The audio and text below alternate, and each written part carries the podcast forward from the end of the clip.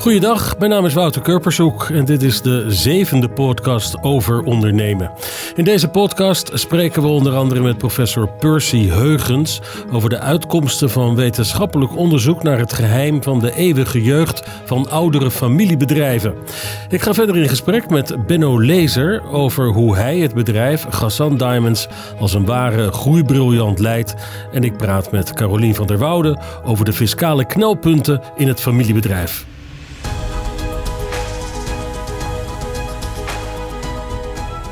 Aan tafel Joost Vat, partner uh, BDO Advisory en Percy Heugens, uh, professor, toch? Bij het uh, Erasmus Center for Family Business. Um, even aan jou de vraag, Joost. Wat is precies nou de interesse van BDO in, in die samenwerking? Waarom is dat voor jullie ook belangrijk? Nou, voor BDO is het een hele belangrijke, omdat familiebedrijven voor ons eigenlijk vanaf het begin van BDO een ongelooflijk belangrijke doelgroep is. Um, uh, dus we bedienen op alle fronten uh, familiebedrijven. Uh, en we hebben gezien en we merken dat ook dagelijks dat familiebedrijven echt een hele eigen dynamiek hebben. Een hele eigen identiteit, hè, die ook vragen om een andere aanpak. en dat proberen we, daar proberen we zo goed mogelijk op in te spelen. Door enerzijds natuurlijk goed te luisteren naar onze klanten. Wat houdt ze bezig en waar liggen ze wakker van? Maar tegelijkertijd proberen we dat ook te verrijken en te verdiepen. Uh, middels uh, wetenschappelijk en onafhankelijk wetenschappelijk onderzoek.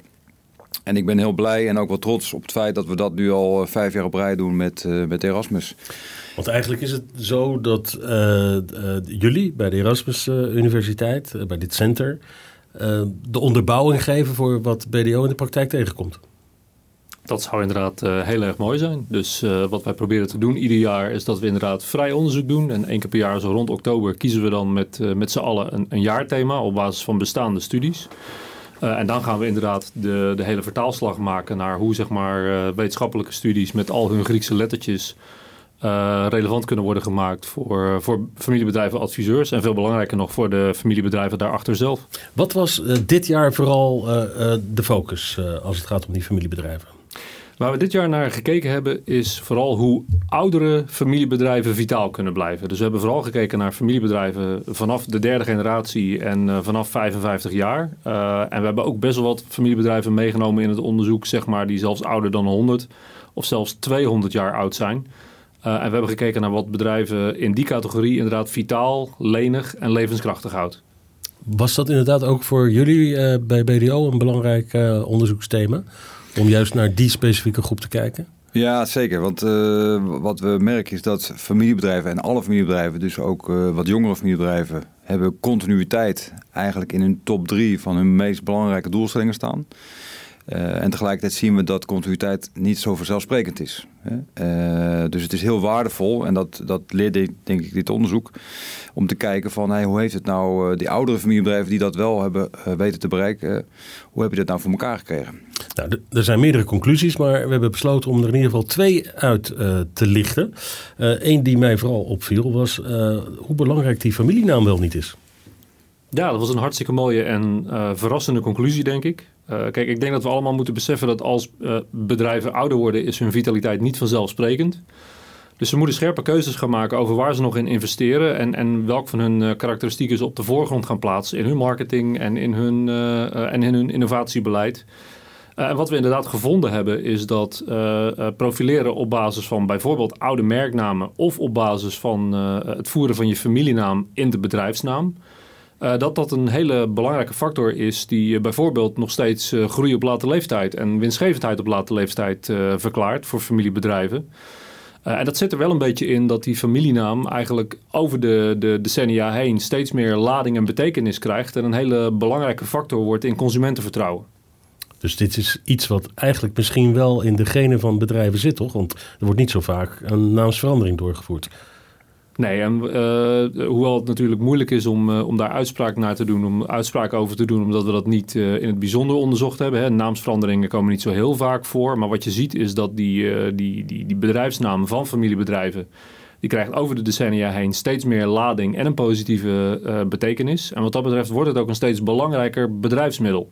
Wat productiviteit en groei kan verklaren. Is dat Joost, uh, wat, wat jij ook merkt in de praktijk, als je bij zo'n familiebedrijf aan tafel zit, dat er ook wel door de familiebedrijven zelf continu wordt gehamerd op de naam van het bedrijf? Of is dat iets wat ze haast, uh, ja, they take it for granted?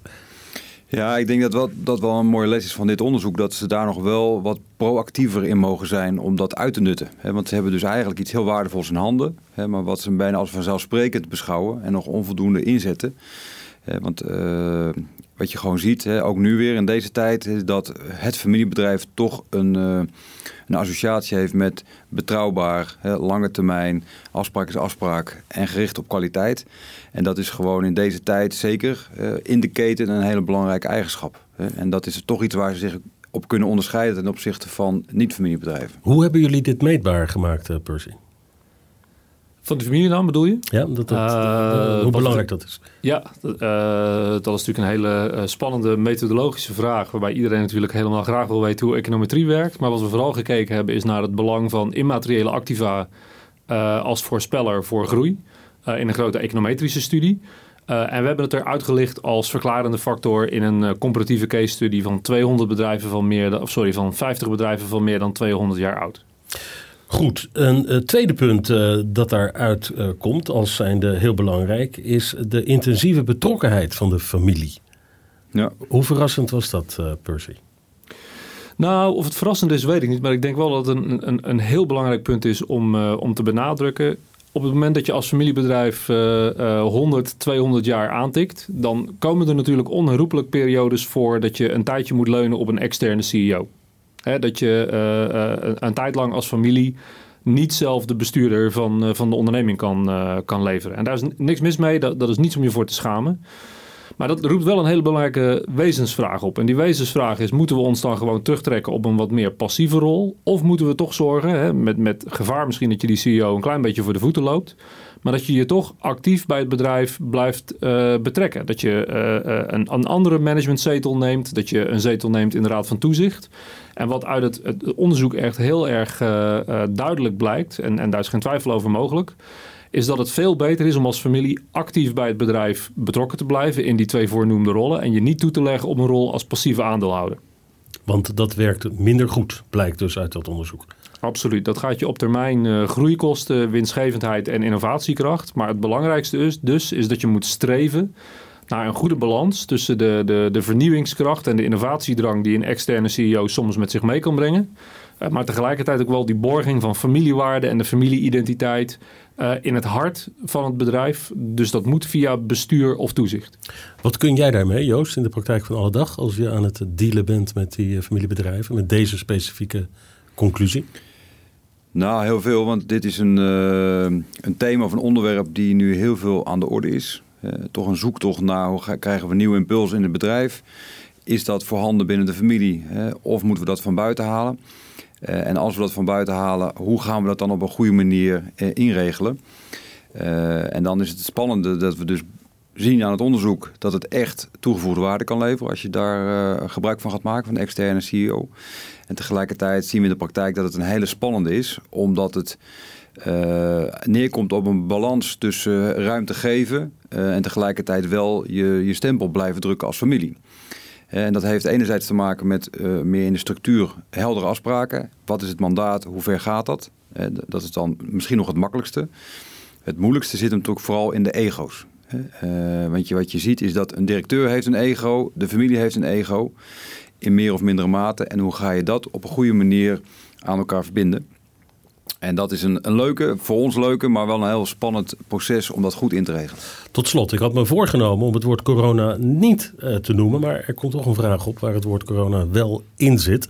Want ik kan mij voorstellen, ook deze, dit laatste punt, de laatste conclusie, dat in de, dit, dit coronajaar uh, waar iedereen, hè, bedrijven, familiebedrijven ook in een soort snelkookpan-situatie zijn beland. Ook met het nemen van beslissingen. Niet meer wat gaan we over drie jaar doen. Nee, wat gaan we volgende week doen. Dat je juist bij familiebedrijven ziet dat de gelederen zich sluiten. Is dat iets uh, waar jullie van zeggen, ja dat klopt? Of zie ik iets wat helemaal niet de realiteit bleek te zijn? Joost? Nee, ik denk dat daar familiebedrijven zich bij elke crisis in, zich in onderscheiden. dat ze niet zo snel in de war raken van even tegenslag.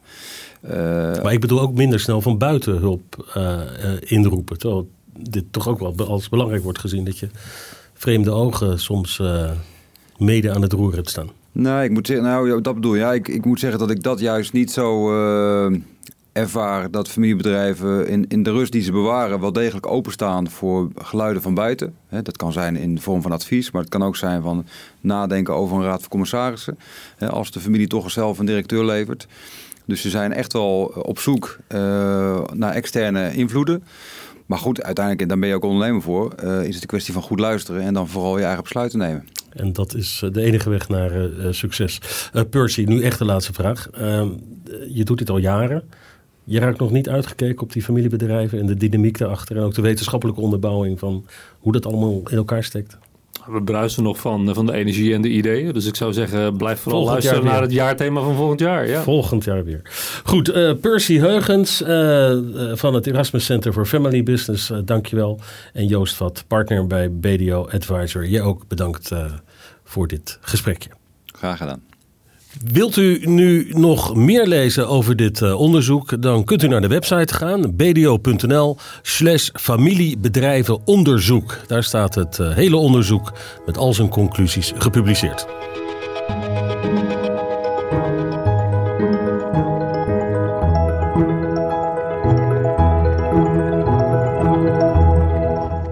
Praten verder met Benno, Benno Lezer, eigenaar van Gazan Diamonds. Um, Benno, welkom.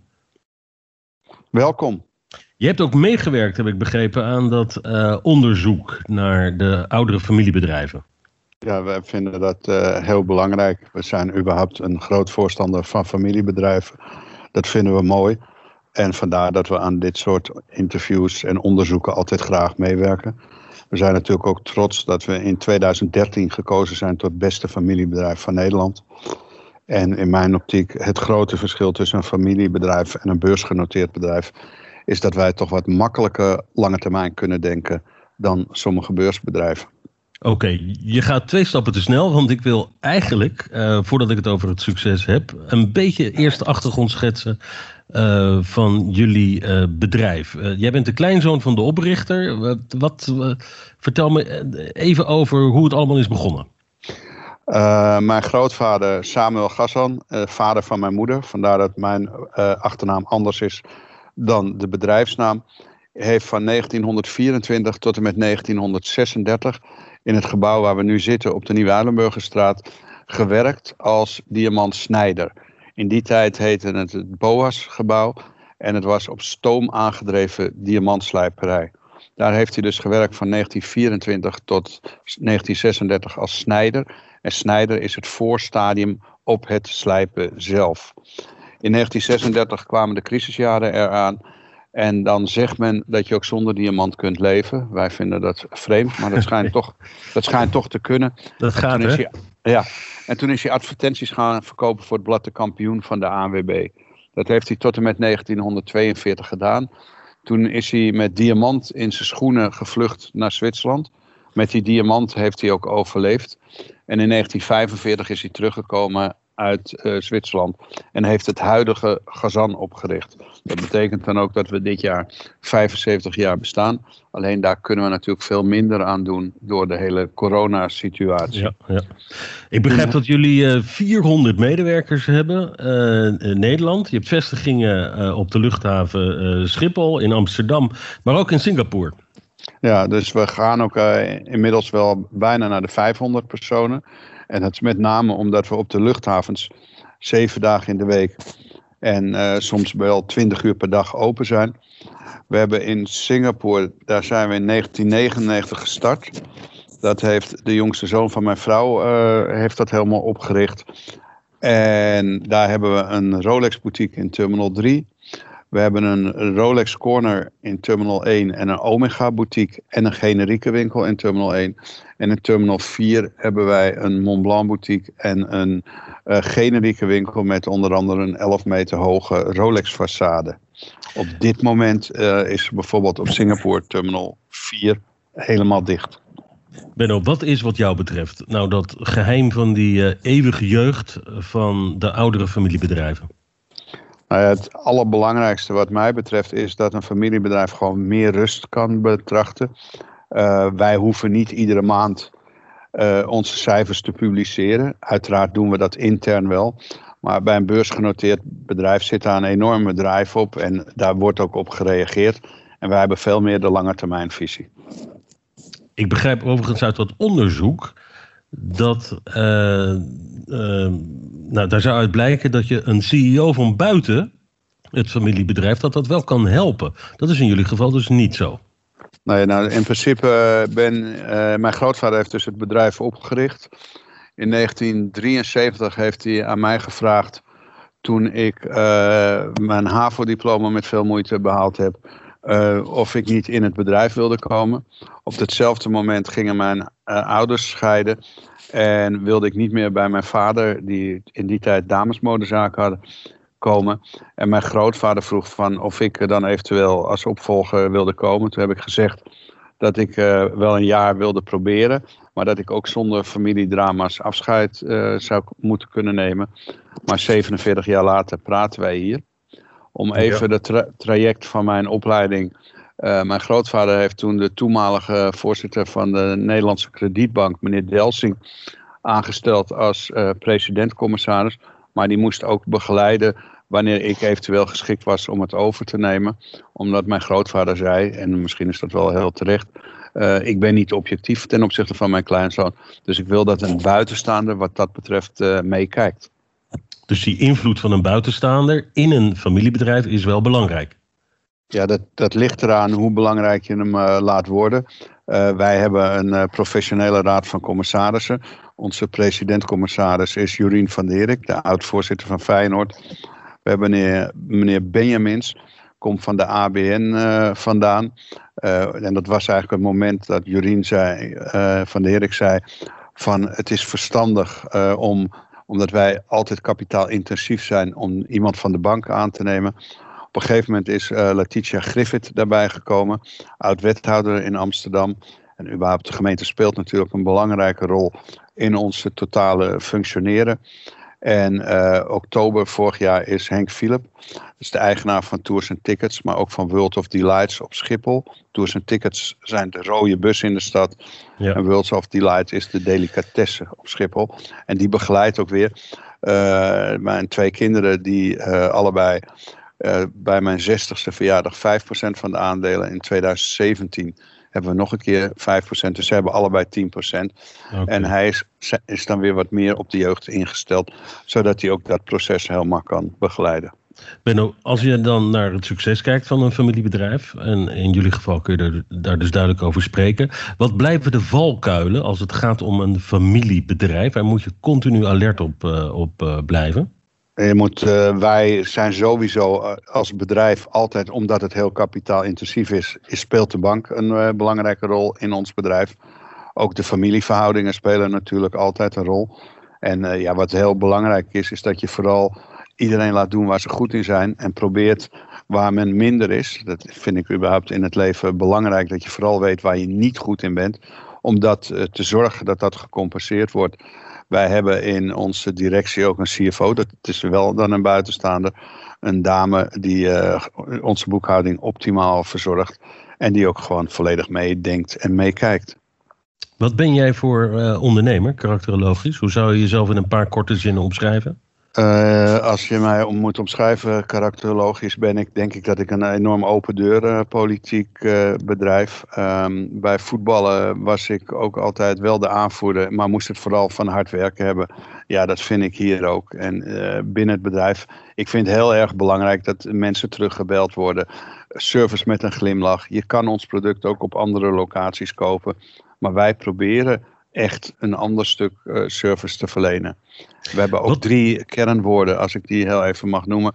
Kwaliteit. Ik kan niet altijd de goedkoopste zijn, maar ik kan wel optimale kwaliteit verzorgen. Tweede is service, echt tot in het oneindige.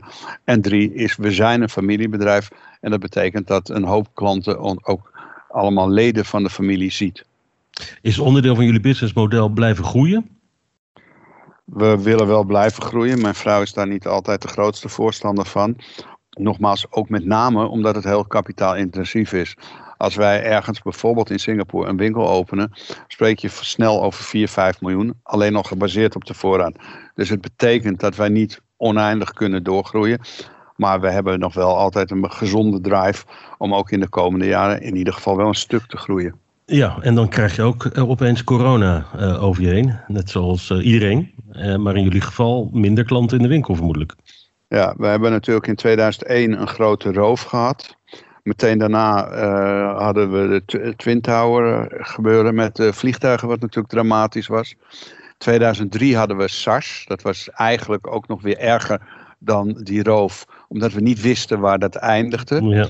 In 2008 en 2009 hadden we de economische crisis en nu dus corona. En maar corona is absoluut het ergste wat we tot nu toe hebben meegemaakt. En ik zie nog niet dat het einde op hele korte termijn in zicht is. Maar bijvoorbeeld op Schiphol hebben we met dramatische passagiersaantallen te maken. Waarbij juli en augustus weer een stukje minder slecht werd. Want toen gingen we naar min 71 qua passagiersaantallen. Maar inmiddels gaan we alweer zakken naar min 77 en afgelopen week zelfs min 79. Ja. Dat is nog beter dan hier op de fabriek de toeristenstroom. Want bij de toeristenstroom halen we de 10% niet eens van wat we normaal ontvangen. Uh, ja, donderwolken. Uh, nogmaals, uh, daar zijn jullie dan ook geen uitzondering in. ik heb tot slot een, een, soort vaste eindvraag aan de ondernemer. Wat is jouw, en dan in een paar korte, krachtige zinnen, wat is nou jouw beste ondernemersadvies voor de mensen die ook nu zitten te luisteren? Nou, het beste ondernemersadvies is in ieder geval om toch wel even te focussen op corona. Is dat we vanaf dag één hebben beslist dat we open bleven. Dat we nog meer aandacht aan service geven. En wij zijn erin geslaagd om in de maanden juli en augustus, mede ook met de hulp van de NOW, maar gewoon goed geld te verdienen. En dat is dan met name gebaseerd op het service aspect.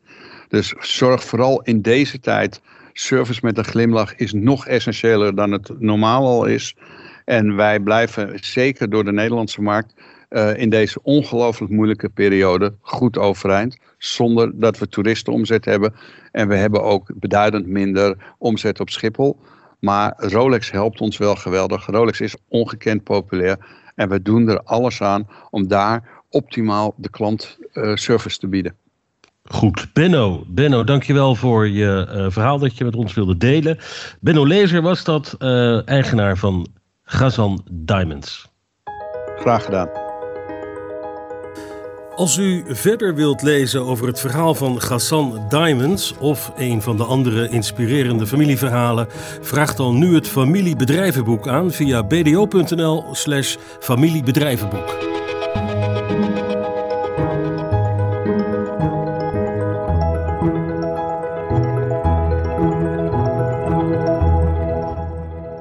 Bij mij inmiddels uh, Caroline van der Woude, partner BDO Belastingadvies. Uh, ook jij welkom natuurlijk, Caroline. Dankjewel. Ja, het onderzoek over die familiebedrijven. Uh, het nodige is al gezegd. de vraag aan jou is natuurlijk, als je kijkt naar de fiscale kant van die familiebedrijven en ook dit onderzoek. Wat, wat valt jou op? Uit het onderzoek komen natuurlijk wel twee grote aandachtspunten naar voren, waar je een fiscaal haakje eigenlijk ziet dat is uh, het onderwerp over innovatie en het onderwerp over opvolging, de generatiekloof. Hoe betrekken we die volgende generatie nu binnen uh, de onderneming? Ja, laten we dan even beginnen met die innovatie. Wat bedoel je daar precies mee? Nou, fiscaal kennen we voor innovatie natuurlijk veel regelingen. En uh, wat ik in de praktijk zie, is dat familiebedrijven eigenlijk het vanzelfsprekend vinden om te vernieuwen. En dan zijn zij veel bezig met product- en procesinnovaties. Maar sinds de fiscale regelingen uh, beter zijn geworden, zie je dat ze er veel bewuster mee bezig zijn. En ook de mensen binnen de organisatie bij uh, die innovatie betrekken. De opmerkingen die in het uh, rapport ook wel naar voren komen, die gaan eigenlijk om innovatie die veel verder gaan. En dat zijn wijzigingen die juist bij die fiscale regelgeving wat lastig is. Maar kun je daar een voorbeeld van geven, die, eh, zeg maar, als je dat betrekt op een familiebedrijf? Nou, familiebedrijven zijn natuurlijk uh, redelijk behoudend vergeleken bij bijvoorbeeld start-ups. Althans, dat wordt dan uh, veel over gezegd. En als je in deze tijd bijvoorbeeld echte nou ja, grote innovaties moet doen, hebben ze vaak ook kennis van anderen nodig, van derden.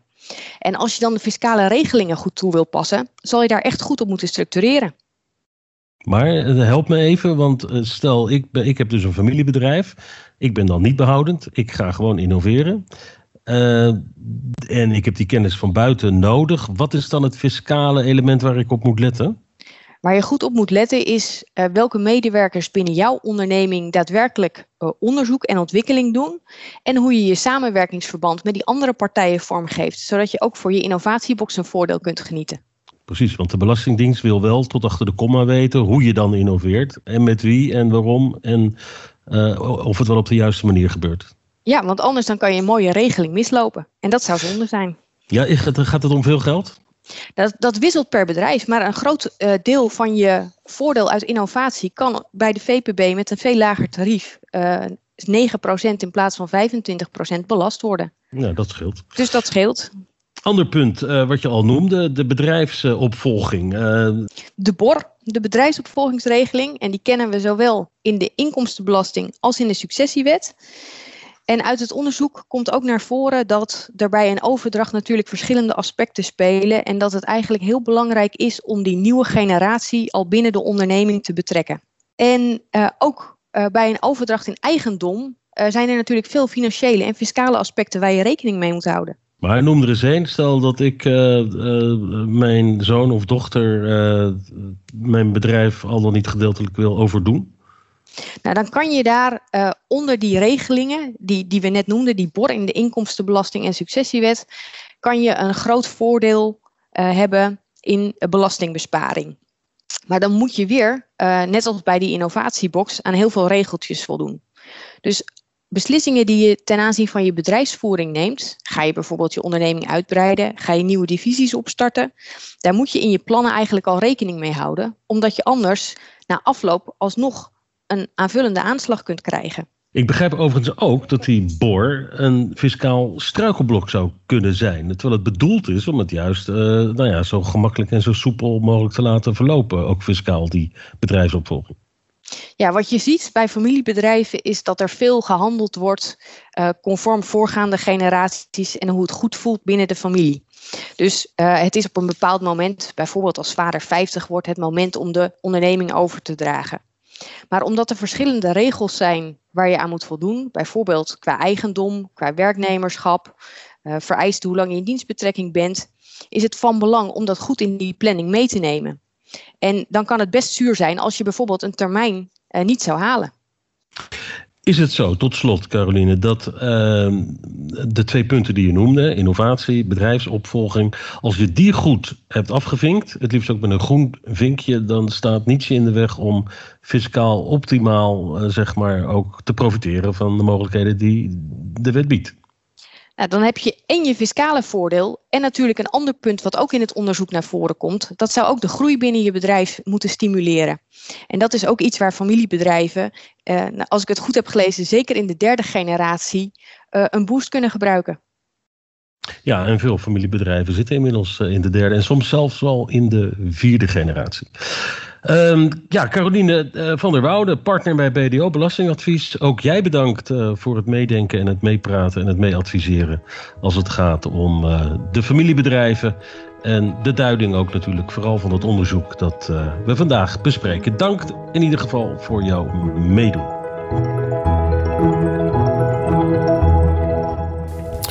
En zo zijn we weer aan het einde gekomen van deze zevende aflevering van de podcast over ondernemen.